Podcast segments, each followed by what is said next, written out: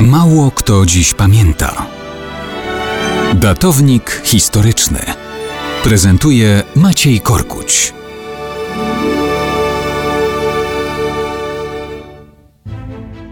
Mało kto dziś pamięta o prawdziwej katastrofie, która zaczęła się 8 czerwca 1783 roku.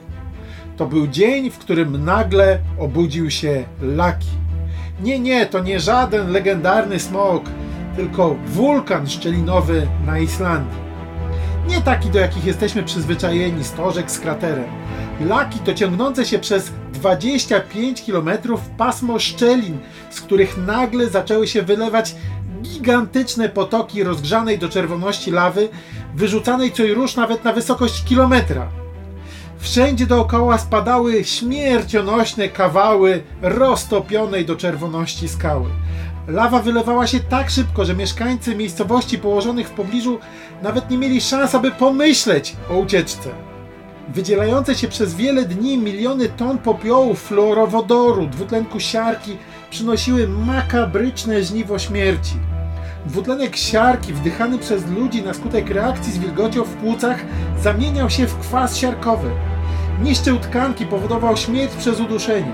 Toksyczne pyły i gazy przykryły całą Islandię. Spowodowały śmierć nawet jednej czwartej ludności. Zabiły cztery piąte owiec, połowę krów i koni. Wiatr wiejący w stronę Europy przyniósł toksyczne chmury nad Wyspy Brytyjskie, a potem nad Francję i dalej nad Prusy, zachodnią Polskę i Czechy. Choć nie było tak jak na Islandii, śmiertelność w różnych krajach gwałtownie w tym roku wzrosła. Erupcja zmieniła klimat, przyniosła gwałtowne burze i wichury, wpłynęła na nadzwyczaj mroźną zimę w Europie i Ameryce Północnej. Takie opisy można by mnożyć w nieskończoność. I to wszystko przez jeden, jedyny, szczelinowy wulkan gdzieś daleko na Islandii.